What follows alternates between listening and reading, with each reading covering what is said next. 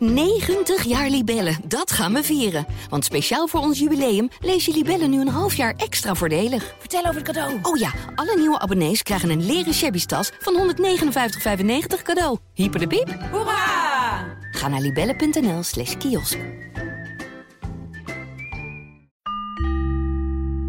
Alice in Wonderland. Achter de spiegel. Aflevering 51. Door Noortje Herlaar. Alice wordt door de rode en de witte koningin over allerlei zaken scherp ondervraagd. Sommen? Daar kan ze niks van, zeiden de koninginnen tegelijk, met grote nadruk. Kunt u sommen maken, zei Alice, zich plotseling tot de witte koningin wendend, want ze vond het niet prettig om zoveel aanmerkingen te krijgen. De koningin hijgde en sloot haar ogen. Ik kan optellen, zei ze, als je me de tijd geeft, maar aftellen kan ik op geen enkele manier. Jij kent het ABC toch wel? zei de rode koningin. Nou, Nof, zei Alice. Ik ook, fluisterde de witte koningin. We zeggen het vaak samen op, lieve kind. En ik zal je een geheim vertellen. Ik kan woorden van één letter lezen. Is dat niet geweldig? Maar je moet niet bij de pakken neerzitten hoor, je leert het nog wel. Nu begon de rode koningin weer. Kun je nuttige vragen beantwoorden, zei ze. Hoe wordt brood gemaakt? Dat weet ik, riep Alice gretig. Je neemt een hoeveelheid bloem.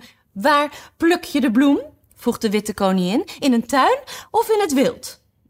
Maar die wordt helemaal niet geplukt, legde Alice uit. Die wordt gemalen. En hoeveel malen wordt de bloem gemalen? zei de witte koningin. Laat toch niet zoveel dingen weg. Wuif haar koelte toe, kwam de rode koningin bezorgd tussen beiden. Ze zal wel koortsig zijn na zoveel denken. Dus togen ze aan het werk en wuifde haar koelte toe met bosjes bladeren, totdat zij hun smeekte ermee op te houden. Haar haren raakten er zo van door de war. Het gaat alweer beter, zei de rode koningin. Ken jij je talen? Wat is quatsch in het Frans?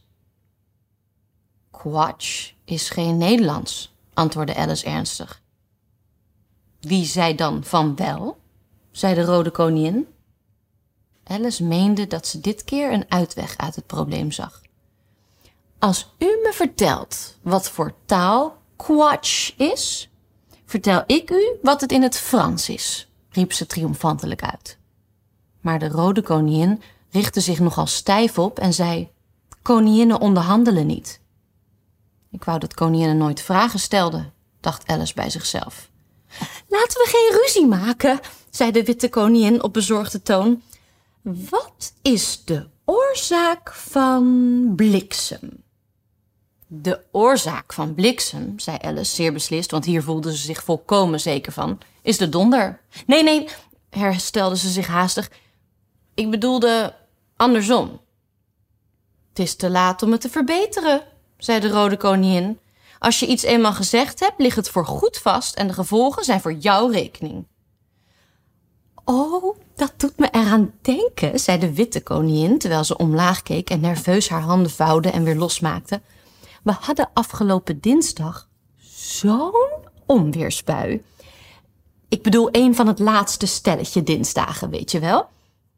Het bracht Alice in verwarring. In ons land, merkte ze op, is er maar één dag tegelijk.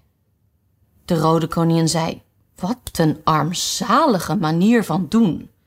Hier hebben we meestal twee of drie dagen en nachten tegelijk, en zwinters stoppen we soms wel vijf nachten bij elkaar. Voor de warmte, begrijp je? Zijn vijf nachten warmer dan één? waagde Alice te vragen. Vijf keer zo warm, natuurlijk. Maar ze moeten vijf keer zo koud zijn, kun je net zo goed zeggen. Zo is het maar net, riep de rode koningin. Vijf keer zo warm en vijf keer zo koud. Net zoals ik vijf keer zo rijk ben als jij en vijf keer zo slim. Alice zuchtte en gaf het op. Het is net een raadsel zonder antwoord, dacht ze. Wiggelwaggel snapte het ook, ging de witte koningin fluisterend voort, alsof ze eigenlijk in zichzelf sprak. Hij kwam aan de deur met een kurkentrekker in zijn hand. Wat wou hij? zei de rode koningin. Hij zei: dat hij per se naar binnen wou, ging de witte koningin voort, omdat hij op zoek was naar een nijlpaard. Maar ja, zoiets was er nu eenmaal niet in huis die ochtend. Anders wel dan? vroeg Alice op verbaasde toon. Maar alleen op donderdagen, zei de koningin. Ik weet waar die voor kwam, zei Alice. Hij wou de vis straffen, maar. Nu begon de witte koningin weer. Het was zo'n onweersbui niet te geloven. Geloof haar maar niet hoor, zei de rode koningin. Een stuk van het dak ging eraf en precies evenveel donder kwam binnen en die rolde door de kamer in enorme brokken en botste tegen de tafels en alles totdat ik zo bang was dat ik mijn eigen naam niet meer wist. Alice dacht bij zichzelf, ik zou nooit proberen me mijn naam te herinneren midden in een ramp. Waar is dat nou goed voor? Maar hardop zei ze dit niet uit vrees de arme koningin te kwetsen. Uwe hoogheid moet haar verontschuldigen, zei de rode koningin tot Alice, terwijl ze een van de handen van de witte koningin in de haren nam en zachtjes streelde. Ze bedoelt het goed, maar onwillekeurig zegt ze nu eenmaal domme dingen.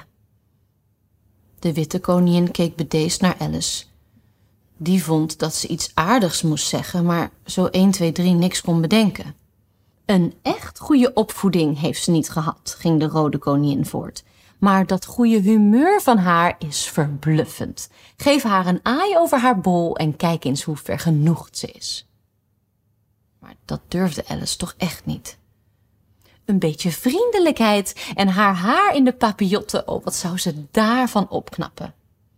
De witte koningin slaakte een diepe zucht en legde haar hoofd op Alice's schouders. Wat heb ik een slaap, steunde ze. De volgende aflevering wordt gelezen door Nasserdin Jar. Alice in Wonderland is een podcast van Internationaal Theater Amsterdam, Het Parool en Stepping Stone Producties. Vertaling Nicolaas Matsier, uitgeverij Meulenhof Boekerij.